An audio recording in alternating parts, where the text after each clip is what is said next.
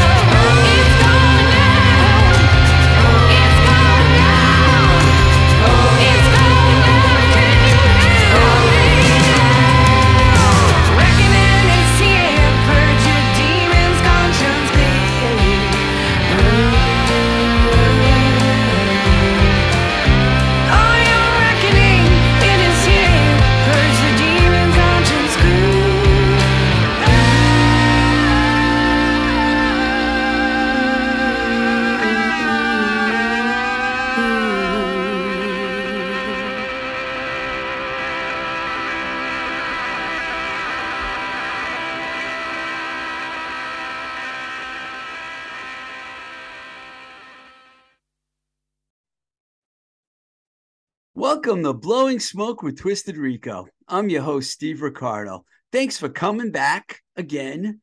You just heard the outstanding song, The Reckoning is Here by Lonely Lisa and the Lost Cowboys, featuring our guest today, Chuck Ferreira on drums. Yes, another drummer because it's the drummers that hold it all together, apparently. Uh, Chuck plays with a ton of bands, including Lonely Lisa and the Lost Cowboys, who we just heard, Eddie Japan, Greg Hawkes of the Cars, the Shanghai Lows, and a bunch more. He's a very, very busy guy. And we talk about all that and more. So stick around. It's a fun talk. You'll like it. Chuck's a cool dude. Okay. So I tend to find out about TV series that I would be interested in watching well after the fact. It's always been that way for me.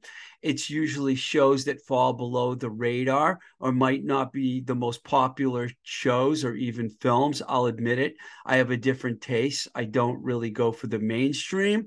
I don't care about Star Trek, Star Wars, anything Star. I like Star Fucker by the Rolling Stones.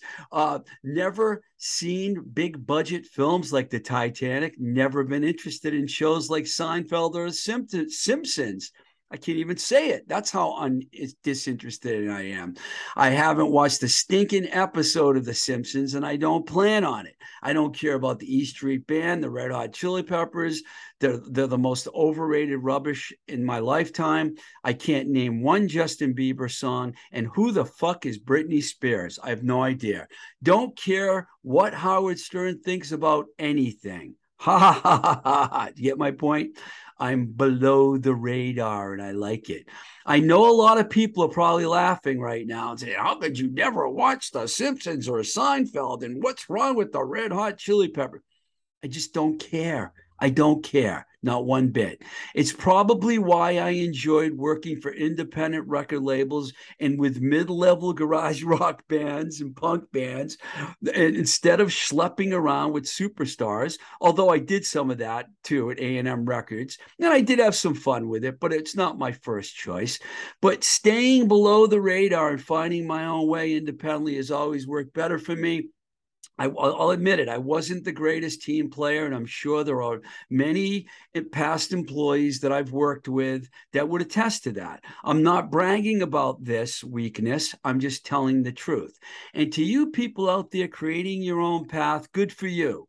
You you can. That's the way you should do it. There's nothing wrong with that you know, and just like there's nothing wrong with following a pop popular trend and putting your own stamp on it, you know. I mean, nothing wrong with Youth of Today coming out, you know, 10 years after uh, SSD and borrowing heavily from SSD. There's nothing wrong with that. So, speaking about coming late to the party, let me give you some examples. First, in 2000, there was 2016's uh, show Vinyl, a show created by Martin Scorsese and Mick Jagger. It's about a record company and mainly its exec, Richie Finestra, played marvelously by Bobby Cannavale. And it takes place in the early 70s. The cast is great, features one of my favorites, Juno Temple. She plays a junior A&R assistant who keeps all the drugs in her drawer because that's the way it was back then. Olivia Wilde is on it. She's great. Ray Romano. Mick Jagger's son, Jack, James Jagger, plays the front man of the fictional band the nasty bits, which the whole thing is based around. So let me just first say that I love that series, but apparently no one else did because HBO dropped it after one season and 10 episodes. In fact, just recently, HBO Max dropped it entirely from its programming, sadly. It's available on DVD, and I've watched it more than once. I think it's fabulous. That's the way you're probably going to have to find it now. If you want to see a great piece taking place in New York City in 1973 about how the record industry operated back then, I highly recommend it. And there's some mind blowing scenes and the music all plays a big role. So I recently discovered a second series, which only lasted one season as well. It was music related as well, and it suffered the same fate as vinyl. Maybe not as good, but it kept my attention for 10 episodes. It was Cameron Crowe's Roadies, which also ironically came out in 2016. It was the year to make music series that didn't go anywhere, apparently. This time it was Showtime that did it, and it got canceled. Like I said, after 10 episodes in one season, the cast was good. Luke Wilson, Carla Gugino, Ron uh, White plays Phil, the legendary roadie who told tons of stories about his time working with Lynyrd Skynyrd and Pink Floyd. Colson Baker, aka Machine Gun Kelly, who in one scene plays a nice version of the song Simple Man, which is a Lynyrd Skynyrd song that I happen to like on acoustic, which is really good. They all play roadies and they're all part of the road crew for the band, the Staton House Band, a three piece rock band consisting of three over the top rock star personalities that need a lot of babysitting for various reasons. In other words, it's a very believable scenario. Uh, Roadies definitely had an almost famous feel to it, understandably so, you know, Cameron Crowe, but was also unique in the way that it was being told in a modern day atmosphere and featured tons of guest appearances and performances from a host of artists. It surprised me how many cool people was, were in the film. Eddie Vedder was in the film, Halsey, Jackson Browne, Gary Clark Jr., Sibylline Seriano, my good friend's favorite, Nicole Atkins, Robyn Hitchcock, Lindsey Buckingham, that's right, the Lindsey Buckingham, and a very memorable scene with John Mellencamp. I'm not going to give it away, you're going to have to watch it. My favorite scene, of course, was in the, when the lead singer Chris finds out that Bill, played by Luke Wilson, had slept with his ex love of his life, Janine, who he wrote his big song about. Of course, there was plenty of drama during that scene. You have to see it. Yes, of course, that happened. And Cameron Crowe ought to know about rock star shit with his long history as a rock writer, touring with bands, and his marriage to Heart's Nancy Wilson. So it all comes across as authentic and believable, like his great film, Almost Famous Personally, I found Roadies entertaining and like vinyl, worthy of a second season, but neither one got their second season. And once again, I was late to the party, but at least I arrived because it was some real good binge worthy shit. it was good, man. So you could still find Roadies on Hulu. So if any of you guys are interested, I would go check it out. All right. So I had a really nice talk with Chuck Ferreira who's played drums with more bands than Haagen Dazs has ice cream flavors. I don't know why I said that, but I did. So enjoy my talk with Chuck Ferreira. Chuck, is it hey, hey, Ferreira? Steve, how you doing, man? Ferreira? Yeah, you got it. I Ferreira. did. It's uh, it's Portuguese. Fer- Portuguese. Oh, Portuguese. I like that. So, you know, I've had a lot of drummers on my show, and I even went through my list just to, to I think I got them all. Matt Kelly, Dropkick Murphys, Jesse Mayer, John Lynch, Tommy Prince from Joan Jett and Blackhearts, Wow. Danny Cusack from the Scrunchies, Mike Peel, who's legendary, Mark McKay, Linda from Muck and the Mires, plus two of the guys that have engineered a lot of my shows, Mike Nash and Nick Z, are both drummers. Oh, yeah. Oh, I I know Nash. Yeah, of course. Uh, yeah. So Yeah, I'm tell used to him I drummers. And, Yeah. and, thi- and this is my Good first company. yeah, this is the first thing I'm going to hit you with. A well-known journalist, I can't recall his name, but doesn't matter, once said that if you really want to find out what's going on in the band, you ask the drummer. well, I mean, you know, you saw the the Let It Be, uh, the Get Back stuff, the Beatles documentary. It's like everybody, and if it's like one of the favorite things for me to watch was just watching Ringo, how even keeled and calm he was the whole time during all of the all of the craziness. And it's like at any point, you know, they, they could have the the camera person could, you know, they, they could have interviewed him and and really gotten the lowdown because he would have he he had it all. He was observing everything. So that's probably a good statement. I mean, I think um, drummers, I think we tend to be sort of plugged in to what's going on, and maybe not uh, maybe not the you know every little aspect of like what each person is doing with songwriting, so to speak. You know, in, in their their the, I don't- their I don't personal think- way of Yeah, I don't. I don't think that writer meant just because you're in the back, you see everything. I think he meant like. I got a really interesting question I'm going to ask you because you have a long list of projects that you're currently working on. Like you're working with Greg Hawkes, Eddie Japan, Lonely Lisa, uh, Devil Love, Shanghai Lows. Yeah. But here's my question. I've been in the business for a while and it used to be frowned upon back in the older days. I say the 80s, 90s. I started managing in like the late 90s and it was still a problem where you didn't like having someone that was in more than one band. But all of a sudden, that's become very accepted. When and how do you think that happened when no one cares anymore if you're in more than one band? That's a good. Uh, I mean, it's a good point. I mean, I think I think it depends on the musician uh, and the instrument. I think I think people like drummers and bass players um, can can kind of kind of cross boundaries a lot easier than say uh, guitar players and maybe even keyboard players to some extent. I think there's uh, if you know how to play, you know, if you know how to play a, a, a style of music, then it, it applies across the board. I just think that here's the thing I, that I think really jumps out to me is I think as we've all as we all mature, um, there's less of uh, an emphasis on on that sort of ownership of people in your band. You know, I mean, mm-hmm. and I've, I've I've been in situations where certain certain singers or band leaders or whomever is sort of like the main writer and sort of kind of they have the leadership mantle where they've expressed a little bit of um, trepidation about that, uh, uh, you know, or they've there's little under the breath comments like let's say you have a gig with with band A and the person in band B is like trying to book the same date. It happens. It, it, does happen, yeah. but um, but I think that's usually the only time where feathers get ruffled. I think that um, I've been in situations where one person is like, they see the success of another band, maybe that isn't happening with this band at the time, and there can sometimes be a little bit of a little bit of weird energy there. But I think you're right. I think over the past, I mean, in my experience, over the past 20 years, there really hasn't been much of an issue as long as you're. I think you have to be open and upfront about it. Um, yeah, I think some, uh, some players are probably better at adapting quickly to other music styles and learning songs more quickly. And then I think some people aren't. And I think that also, it just depends on the player, really. Yeah, you, you're very diverse because I've listened to a lot of these bands.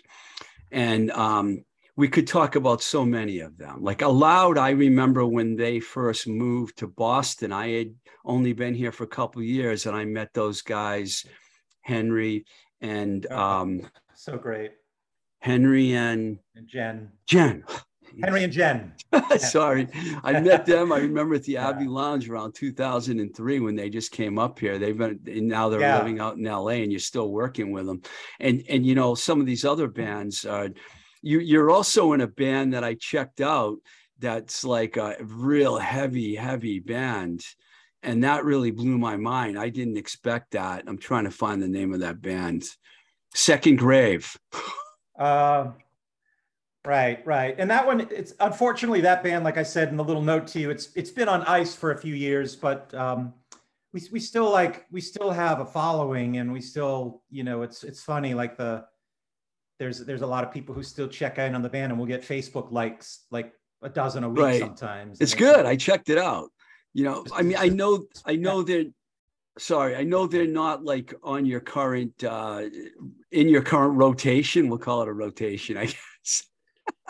But uh it was interesting. I, want, I wanted to check them all out. Um I mean, it's hard to say which one of these bands. I don't think that you're going to want to prioritize anything, and I don't blame you. I understand that. I know the Shanghai Lows got really hot lately, but Eddie Japan has been on a roll for a few years now. So let's talk about that band. How did you get involved with them? And then maybe you can segue in how Greg Hawkes from the Cars ended up coming into your orbit. Yeah. Um, so Eddie Japan boy, they started back, I think, um, a, good four or five years before I was in the band. Uh, David Santos is the lead singer, and he kind of came up with the whole concept of the band. Um, what ended up happening is they had uh, they were going to play a um, international pop overthrow show, and oh, yeah, their yeah. drummer, yeah, those they still do those. Um, the drummer he couldn't make for whatever reason. He gave them advance warning that he wasn't going to be able to do the gig, and um, I was friends with a couple of the guys in that band, but in particular at the time, Chris Barrett from Kingsley Flood. Mm-hmm. Um, he and I were buddies, and we had just played in like um, we had just played in an ELO pro- cover project thing where we had strings wow. and the whole deal. It was pretty fun. But he was like, um, "Hey, we need a fill in." So I said, "Yeah, I would do it." And the interesting thing was, at the same time, around that time, George Hall, who uh, is also in Kingsley Flood, he had he had just left Eddie Japan. So uh, Eric Brosius, who you might remember that name from the Boston legendary band called Tribe. Yes. They were really big in the like later half of the 80s into the early 90s. Um, he, he, had just joined because his one of his best friends, Bart LoPiccolo, uh, was also a founding member of Eddie Japan. So when I joined the band, it was still had this like kind of late 60s meets spaghetti western mod rock sound. Um, and then we just kind of have had a, a, a, consistent lineup now. I think the year I joined must have been around 2011. Uh, same thing with that Eric. long, so, huh? Wow. Yeah, yeah. So we just kept evolving, and now you know we went from having like this uh, spaghetti western sound that you might see in like a like in a Tarantino movie. You know, I always think like those older Eddie Japan songs should all be in in films. Um, but now we're sort of more like a cross between like if you throw like Roxy music and new wave music and a little bit of you know uh, Bowie and you throw that into a blender, maybe some U2, and you get what this mix is.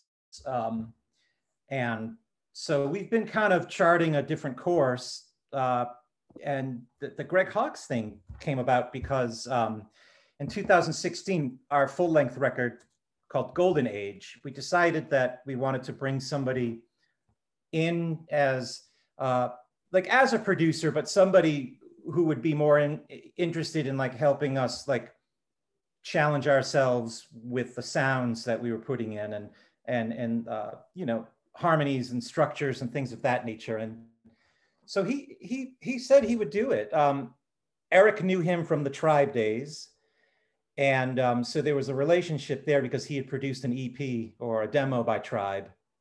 But then um, before that actually happened, we met Greg. Uh, we also, uh, around the time we were discussing getting this record going, we were on tour with the Motels, you know, Martha Davis. Martha Davis, yes, yes. Love that band.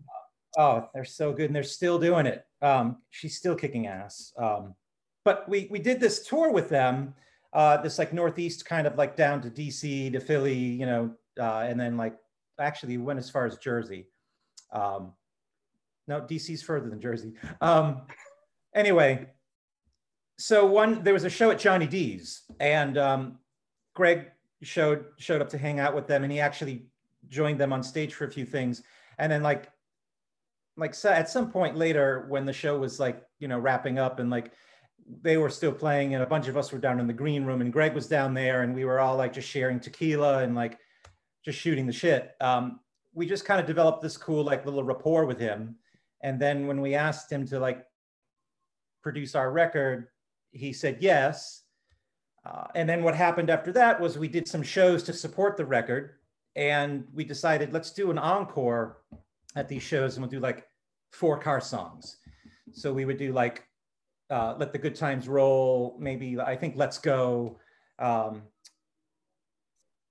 uh, and, and, then a couple more. I think like moving in stereo was one of them. Anyway, then it kind of turned into uh, like at the time, like I started like hanging out a bit with Greg, and I'm a painter, so I was doing some work at their house, and um, so we would have lunch once in a while, and I kept floating this idea by him, like of a more, uh, you know, a more fleshed out uh, show where we would do like a full set of Cars music. Um, and he, at first, he sort of like pushed back. He was like, wasn't sure.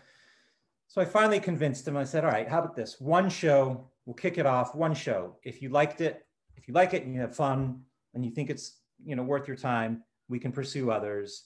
If it's, if it's not fun or successful, we'll drop the idea. So we did this show at the Burren. This is 2018, or yes, 2018 we sold it out within a couple weeks, so we knew that people were interested. Uh, and the show itself was a huge success. So much so that the, the, the after party that night, Greg came up to me and he was like, you know what? Um, go ahead and book another one. How about the Iron Horse? Wow. So that's how it all got rolling. The next show was at the Iron Horse. And then, uh, you know, then we played a couple more and then COVID hit. Um, so the pandemic kind of put the brakes on those shows. But uh, back in early June, we, we did a, uh, we had a pretty much, a, it was a sellout at the City Winery in Boston. So um, we're, we're, we've got these shows that are really well refined. And now Greg sort of does like a, he does sort of like a storyteller bit in between every few songs and gives people some cool anecdotes That's cool. about the band. It's really cool. People people eat that up. So we're, we're, we're working on, you know, we're planning shows for 2023 because his travel schedule and uh, just being able to line up some dates for the rest of this year proved to be too, too much of a challenge. But uh, next year, we're hopefully doing a lot more. Joe, Joe Milliken was, Joe Milliken was on my oh, show yeah. not too long ago. He wrote a book about Benjamin Orr. So, I, and I'm yeah. a huge Cars fan. So, I actually sent Greg a message once, but I don't think he got it. Sometimes when you message people on Facebook, they don't even know that you messaged them. but it was yeah, a while ago. True. Because I want to get, you know, I'd like to have him come on the show sometime. A couple of things that you mentioned I wanted to follow up on. You mentioned Roxy, and I do notice the similarities. And you guys covered a Roxy song not too long ago, right? Yeah, it was uh, for our. I think it was it was in the wake of that last full length, and we were really slow on it. But we had some. Um, we did like a pledge campaign where people could, you know, if you pledge a certain amount, you know how that works. You get yeah. A, a certain level of like a gift from the band, you know. And one person had um, requested that we cover "Out of the Blue" by Roxy Music. So we're like, okay, we'll we'll do that. That's not a stretch. Um, and for good. some reason, yeah, for some reason, it took us like it took us like two years to finally get to finishing it. Um, and it, and it came out really good. Um, you know, and instead of the violin solo, there was a guitar solo. And um, but yeah, the the Roxy music thing just kind of like it just it, we kind of I don't know. I think we sort of just fit in that kind of vibe, you know. Yeah. Um, but yeah, you know. The other thing I want to mention is you mentioned Northampton, and I know that your singer lives out there because a friend of mine is friends with him. They they do real estate stuff together. Oh, okay. Yep. So, yeah, yeah. Know, David and I are actually friends on Facebook, but I don't think we've ever met. I, oh, she okay. keeps wanting to get us together, and I'm sure one of these days we will. Yeah, yeah. Uh, you've got a really interesting group of people here, and I think adding Greg Hawkes to the when I say people, I mean uh, Eddie Japan. It's like a very well-known band that everyone knows around town. I was living out of state for a while, so I missed you guys were in the Rumble and all that. I imagine you probably won the Rumble. Did you win the Rumble? Uh, 2013. Yeah, we yeah. won it. Yeah. Yeah. See, I was gone. I was living in another state, so I only heard about it from a distance. I didn't really know what Eddie Japan was, and I still have not seen the band. But a lot of that has to do with the pandemic because oh, sure, I moved back here, and then the pandemic hit, and it's yeah, real yeah. rough patch. But I'm going to come see your band one of these days. Yeah, we're um we actually I think I'll I'll update you sometime. I think in November we're going to be playing at the Burren with um uh, I don't it hasn't been announced yet, but I'm pretty sure exclusive for your listeners. Uh, Gypsy Moths are going to join us on that bill. Oh, nice! Uh, I just had Chris yeah. on the show. Yeah, Chris yeah, yeah. was just on. That's cool. Yeah I, yeah, I definitely would like to see it. So, um, this is great that you're in this great band and you're playing with Greg Hawkes, but you're also in a super group that I like to call a Boston super group, the sure. Shanghai Lows. And it's kind of ironic, not ironic, I guess, but all the members of that band have now been on the show now that you're here. And, you know, Lee, of course, and I have a long history because I worked with the yeah, yeah. and stuff, and I've known the other members. That is talk talk to me about your story about that band because I yeah. love this band. This is a great band. Yeah, well, it's it's it's a lot of fun. I mean, we're we're actually putting the finishing touch. Um, I'll, I'll start reverse. We're we're putting the finishing touches on um, what will be our full length, and you know, Lou is Lou Lou at Rumbar is he's champing at the bit to get that from us. Uh, I, I think, but uh, so something will be coming out probably early in the new year. I I would think. Um, we just shot a new video for the, the single, the next single. Um, but yeah, Shanghai Lows came about because um, so Dan, Danny K, Dan Kopko and I, we, I, I say Danny K because everybody in your audience, that's probably how they know him, Danny the K, right? Yeah. um, he actually he he reached out to me. Um, God, this is like right. This is also before the pandemic, so probably 2018. Um, if I'm getting my, and I think it was like late summer, if I'm getting my um, dates correct. But he reached out to me and told me about this band that he was, you know, spearheading. And I had just seen him not too long ago doing that uh, Clash thing. He he did it um, once, and uh, Jen Jen D'Angora, she did some singing at that, and so um, I think the two of them were sort of like, hey, let's let's work together. And then he reached out to me and asked if I would drum on this, and he kind of gave me like a, because Dan and I had done a bunch of like like these like one-off shows that happen around town, you know, like uh, the like these like new wave kind like we did a new wave thing once, and he sang like a a, a, a psychedelic furs song, and then you know because he's got kind of the same register as Yeah, uh, yeah. Richard Butler but we, we we had collaborated on a few different things and and i think you know he wanted he wanted to put me in the drummer seat and so i i said i could do that i said but wait until after the month of october because october I, it must have been around september when he called me because i gave him fair warning that i was about to move into the busiest part of the year my girlfriend and i we we just have massive halloween house and Halloween activities and everything is all Halloween. So I was like, look, you know, it's going to be tough for me to break free a lot this month given my other band commitments. And so he he was like, okay, you know, I'll send you the demos. And and I started listening to them and I was like really digging them. And I finally reached back out to him. I'm like, okay, you know, do you guys want to plan something for, you know, mid-November or something? And he's like, oh, I meant to get back in touch with you. We got we, we got someone else, someone whose schedule's a little more open. And I was like, oh, okay, that yeah, that that's fine. You know what? Probably for the best. so sure enough, it's like the end of the year, and they hadn't really done like I hadn't heard from them. And so Dan got back in touch with me. He's like, you know, they, it just didn't really work out with the other drummer, and um, you know, would you would you still be interested? And I said, yeah, yeah, I could. I've, I've cleared a few things off the plate. I can do it. And so that's how that came about. And then we just started you know, we started working on the the songs. And Was Lee already was Lee already in the mix Yeah. at that point? Lee was a Lee. I- Actually, Lee was a selling point because, you know, I, I have Usually is. yeah. Um, other than being a, a great guy and a, and a, and a cool hang, um, you know, I have I have a, a certain degree of reverence for local, uh, you know, local rock royalty, and and and I was like, oh, okay, I'll, I'll get to play with the bass player from the neighborhoods. Like before I knew Lee, that was how I looked at it. I was like, yeah, all right, yeah, I'll play with the bass player from the hoods. So.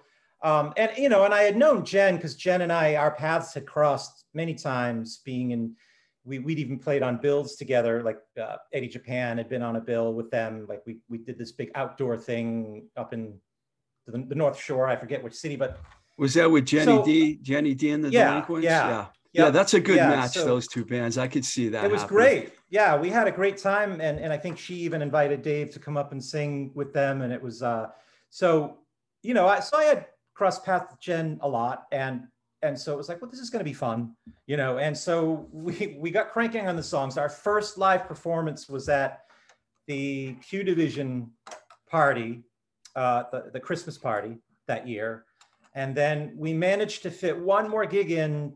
I think it was like right at the end of February at the Whistle Stop rock thing that that tour that was going around. Yeah, that, yeah, yeah. um, Justine uh, was was spearheading, and then so we we played that. We had a really good show, and then it's like the next two weeks you started hearing how serious this this potential you know pandemic was going to be, and then everything started shutting down. Gigs, you know, gigs got canceled because we had had a couple on the books. Everything got wiped out, and so the interesting thing about the Shanghai Lows is I think more than more than any of the bands that I'm in, um, the Shanghai Lows got really busy during the pandemic. What we just what we decided to do was to to shoot music videos Good um, videos. with each of us shooting our own Yeah. footage. Yeah, they came out good. Well, Harry McCoy, um, who is a, dear friend of the band and um, is, you know, uh, the band Watts that Dan is in. It's the bass player Tim's older brother. He's quite the he's quite the videographer, quite the director. so what we did was we would send footage to him uh, um, after we fleshed out a concept, and you know, so each of us would get our marching orders. It's like shoot yourself in front of this kind of background, wear these kind of clothes, uh, you know. And so we did that, and we managed to put out. I think we put out four videos from that, or three, at least three videos from that first EP. We had Sway Little Player, uh, Skipping Records, and Stay. Um, Didn't you do a Chicago cover video too? yeah. We didn't do a video for it, but there is a cover on the. So the, the interesting thing is the five songs on that EP, four of them were were tracked in studios. So I like I tracked my drum parts at Mad Oak Studios with Benny Grotto. Dan recorded his guitar. oh, Benny's the Benny is amazing. Um, I've probably tracked drums with that guy more than anyone. Um, so love his, his, drum sound. But uh, so we all did in certain places. So those were professionally recorded songs that were then mixed. The the Chicago thing, actually, you're right. It was it was a video that was that we put out um, as a guest video when Justine started Red on Red Records.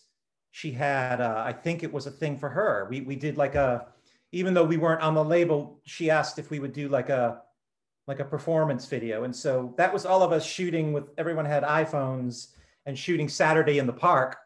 Um, that was good. And then, and then, we decided, you know what? It sounds it sounds like a, it sounds live. It sounds like a rehearsal space, but uh, recording, but not bad. So it ended up going on the EP. There's a a, a, a different mixed version on the EP. So it's like it, that's why it kind of has that weird live sound. It's, it's actually everybody shooting with on their iPhones. so but it worked well, out. And then now yeah. I finally got to see the Shanghai Lows uh, not too long ago at the Rum Bar show, and you guys were fantastic, yeah. man. I was the you, you and you. you. and Lee were like locked in, man. I was like, wow, because I've never seen Lee play with another band before. I know he was in bands right. before the Hoods, but I was right. living in California, and the only time sure I got to see the neighborhoods when they were on tour. You know, I never got to right, see. I got right. to see them here when I came here. It was you know for their CD release shows or whatever. But you guys right. really played well together. I love. I really like that band a lot. I, and I know you yeah. a lot of airplay everywhere. Um, are you still involved with some of these other projects, Lonely Lisa and the Lost Boys? Is that just something that just happens every now and then? Oh God, I wish we were called Lonely Lisa and the Lost Boys. That would be I... great. We're the Lost Cowboys. Cowboy, Lost Cowboys. Sorry about, you know that. what? I like the Lost Boys. I'm going to see if we can change it to that. you could all be vampires. Vampires. Yeah, yeah, yeah. Sorry about that. Sorry, Lisa. I didn't mean to change the. No, no, she'll Lisa. get a laugh out of it. um, yes. So Lonely Lisa and the Lost Cowboys were we we have been uh, this is a band that was probably most adversely affected by the pandemic because it really slowed us down. We were we had started work on a full length record because um, we've had some success with some singles. They've all been like uh, you know in the the indie charts and things like that and they've been doing pretty well. Um, so we're trying to like get that all wrangled. Um, so we have one more basics for one more song to record and then uh, we need to put the finishing touches and then finally mix this bad boy. Um, and, um, you know, Lou is actually, Lou at Rumbar, he's actually interested in, in working with us. So we'll see how that goes. Uh, you know, I don't want to count my, count my chickens before they're hatched, but it sounds like you know, he's put on a, on a couple of comps yes. now. And um, yes. the last one, the last one uh, called The Reckoning is Here, which is more of our rock, one of our love rocking, that. Uh, one of our love it. songs it did really well. It got played on Rodney on the ROQ, and it, you know, so um, so yeah, we're we're we're sort of like, unfortunately, like for a lot of people, you know, uh, summertime really screws up a lot of plans just because it, it becomes vacation time for everybody, and so we've missed a lot of opportunities to get together. But I would think that by the fall, we're going to finally buckle down and get finished on the finishing the record. So early next year, that also could be coming out. We'll see. I, I've only believe I've had one conversation with Lisa, and I think I spent most of the time telling her how great her voice was because she yeah, really is yeah. a good singer. She, I mean, she can, she can, belt it out. Yeah. Yeah. There's yeah. a lot of good performers out there, but not a lot of good singers. You know what I mean? And she can. Yeah, yeah, yeah. Very good. You She's also, got- yeah, yeah. yeah, you all, I'm trying to cover all your stuff here, Yeah, Chuck. You got a lot, Whatever, dude. whatever you want to do, man. It's your show. Dude, I don't think there's any harder worker drummer in Boston than you. I mean, I, I'm just, I'm just blown away by all these projects. Plus, you do a lot of studio work too. But um, I need an intervention. That's what the problem is. Somebody needs to stage an intervention. You know. No, no, David Wildman's been one of my favorite writers for a long time. So I've I know he performs, and so he has a band called Tell that you're also doing Yeah. some work with. Yeah, and that came about. Um, I had never met David. I met him eventually, obviously, when I started working with them. But so the bass player in Tell, his name's Jason Rafi. He is also the bass player in another band I'm in called Devil Love. Right. He's also the bass player in uh, the old school game show House Band with me. Um, and so Jay and I play a lot together. And so Tell had recorded a few songs and they were like, we want to finish a full length record. Um, can you track drums for us? So they sent, I, I we booked it a couple Mad Oak and we banged out all the drum parts. The record came out, they, they did a video. They asked me if I'd be in the video. I was like, all right. So they kind of, they were doing this like kind of soft, uh, j- j- having me join the band and with like a soft approach. It was like it never, you know, it was like, oh, we'll have him do this and this, you know, play these shows. It's like, so now I'm sort of in the band because we just recorded a batch of new songs at, at Mad Oak um, for a new record. I'm sorry And- for laughing, man, but- but I can't believe how many No. bands you're in. This is really kind of hilarious. It really is, man. It is the only the only Complimentary, that, too. uh, It's complimentary too to you that you're in all these bands. it's it, it's funny. Sometimes it, it I, I feel like um, you know, I'll I'll be like at a rehearsal or something, and it's like we're playing a song, we're trying to get, or, or the next song is up, and like I'll get that, you know, when a, when a Mac is thinking, it gets that like beach ball that's spinning. I swear to God, sometimes like that must be showing up on my forehead because it's like, wait a minute, okay, I know, yes, it's in this part, it's in this part, pull it out. Um, but uh, yeah, I mean, the, the so the tell thing just kind of developed like that, and um, so thankfully they're see they're pretty cool about it. They realize that it's like, well, they they keep another there's like another drummer that they work with sometimes, and they keep him up to speed on the songs. So so I do like the studio, I do the tracking, and I do uh, I always get first like rights for, for refusal at a gig, like okay, can you do this date? And if I can't do it, it doesn't necessarily mean they won't do the show, which is cool. I'm glad that they that they're not just waiting for me because sometimes it, you know, sometimes it does all crash together. Um, do you like prefer doing stuff in the studio more than live stuff? You know, it's going to sound funny to say, but I think so. I, I think why I like the studio stuff is um, as a drummer, um, you get to everything is mic'd up and you've got this beautiful mix in your headphones and you're hearing everything crystal clear, especially with a really good engineer like we just talked about about Benny. But you know, I've I've, I've gotten to work with a lot of great people, and um, what I like about recording is that a live performance is to me that's that's the performance art, right? That's the that's the moment in time that and and it's either going to be a great show, it's going to be sloppy, it's going to be messy, it's going to have lots of energy. Like you never know what you're going to get, um, which is part of the allure. Don't get me wrong. I mean, there's an there's that's part of the excitement. But when you record something, you're much more in control of of the song and of the music, and you really can add all the elements you want to. I mean, Shanghai Lows are a perfect example. Like uh, on that song Billy, which was our, our last single that that spaghetti western kind of sounding one. Um, you know, we brought in we brought in my friend Chris, who used to be in Eddie Japan. We brought him in to do the trumpet parts, and he like wrote the parts out and did them. Um, but we don't have that live. So, I mean, we could we could get a guest trumpet player, but then it gets like, well, now we do we need another guest, an extra guest guitar player to do this song. It's like, do we need a keyboard player for this? So it's like you start in the studio, you can add different things, and and the songs can be more fully realized, which I guess can also go against the punk ethic, which is the punk ethic is just like raw rock energy. But I think there's a happy medium.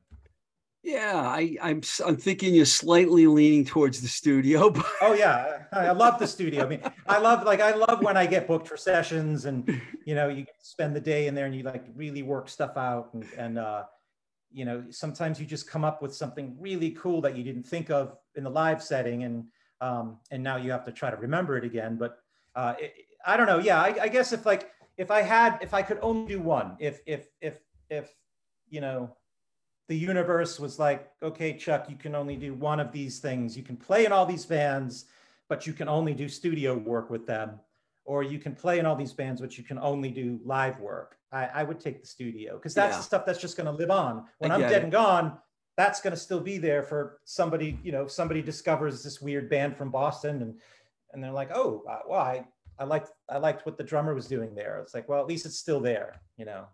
Um, I'm going to wrap this up with something I usually start with because I don't know for sure. Are you are you from Boston originally, or where are you from? Did you grow up here? I grew up. I actually uh, I was born in Fort Worth, Texas, which is you know. I had a feeling you weren't from here. Away, okay. Yeah. Away. But but I did grow up in Texas. I grew up.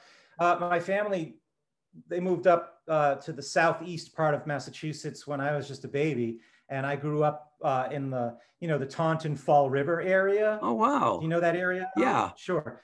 Like it's not it's not quite it's not South Shore. If, if people call it South Shore, they're a little off. It's like you know I, it, where I grew up wasn't too far from where Jen grew up in Plymouth, it, like that part of the state. So um, and then I went to school in in uh, the central part of the state uh, in Fitchburg, Fitchburg State College of all schools.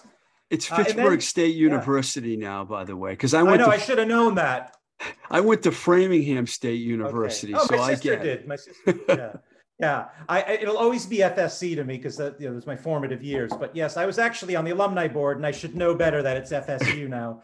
Um, but um, so uh, when I left, when I graduated, I ended up like living, uh, like trading between like living close to Boston and close to that area, and like, and then like the Worcester area. And then basically what happened was I just, I kind of planted myself here, which got me, finally got me more immersed in the, in the local music scene. Which is before that, you, sort of bouncing around, you know. When you say here, you live right in the, in the city? I, I live in Watertown. Oh yeah. Watertown. And, you know, uh, Watertown borders borders Boston. It's uh, you know Cambridge. don't realize that because Bright, yeah, Brighton is Boston, and we share a huge border with Brighton. So, you know, when I tell people that, that I border Boston, they're like, no, you don't. You know, it's like, yeah, Brighton. What do you think Brighton is? So, but anyway, I'm in the area and it's great because it's like, it, it, affords me the opportunity to, to play in all these projects, you know? Well, thank you for coming on the show, man. I'm like blown away by. I know we probably missed some stuff, and shout out to Aloud again because those guys are really yeah. cool, and I know you play drums on their records from long distance. But, um, dude, I don't have to wish you any luck. It seems like you're one of the luckiest guys around, man. You're playing with so many cool people that you you're in a pretty good I know, space.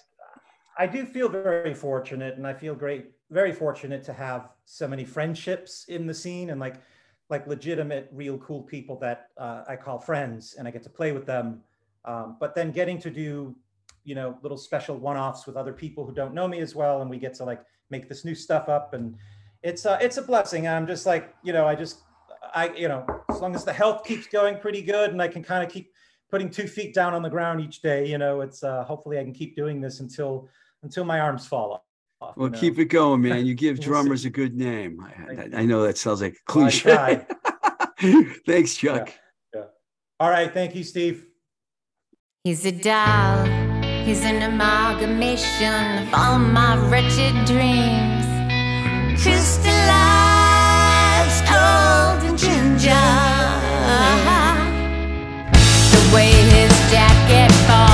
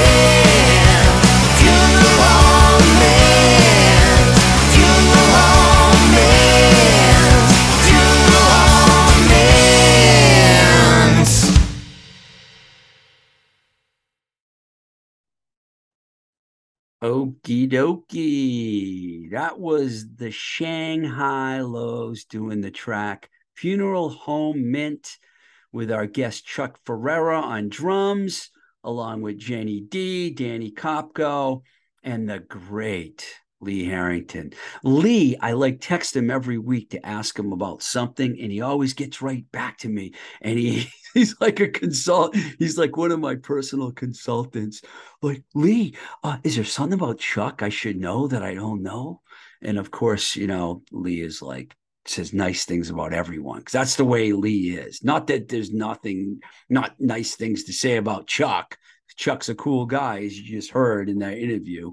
Um, I also want to mention and thank Lou over at Rumbar Records, who's always there for me when I have one of his bands on the show.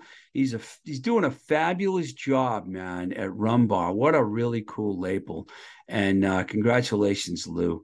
I mean, you're you're doing a hell of a job, man. So anytime you want any of your bands on my show, baby, you know how to reach me. Um, I also wanted to refer to something I said at the, in the intro of the show about roadies. I called it a film. Of course, it's a series, not a film. No one will, most people probably won't notice that I said that except for that one fan, and she knows she, she knows who she is, and she always points out to me my little mishaps that I make. But I got to tell you, folks, right now, if you haven't figured out, I am not perfect. Far from it. So there's bound to be mistakes. But I appreciate you hanging in there and being a follower and a listener of this podcast. Because you can also follow us all over social media. I like to send people over to our Instagram page, which is at Blowing Smoke with TR. We also have that Facebook page, a Twitter page, a YouTube page with some cool Zoom interviews. Like I just posted the Daisy Valentine interview up there from last week. So you might want to check that out. Pretty cool. It's just the Zoom part of the interview and not with without the intro and the outro, but it's still cool. And there's a lot of older shows and stuff. And if you haven't checked out the TikTok page yet, at Twisted Rico, that's right, we have a TikTok page. Um, you can also reach me anytime at twistedrico at gmail.com, where you can send me music like a lot of people do, or ask me questions or whatnot. Uh, the publicists are keeping me quite busy with emails, but I don't mind. I'm learning about a lot of new releases that are coming out on a regular basis, and I want to know what's going on. I want to thank Baby Loves Tacos and Spectacle Eyewear for supporting this show, and all the fine folks that support us on our Patreon and Anchor pages, where you can do the same for only $1 a month. Patreon.com forward slash Twisted Rico or anchor.fm forward slash Blowing Smoke TR. All righty. Till the next time we say goodbye. This is Blowing Smoke with Twisted Rico. I'm your host, Steve Ricardo. Keep the rock and roll alive.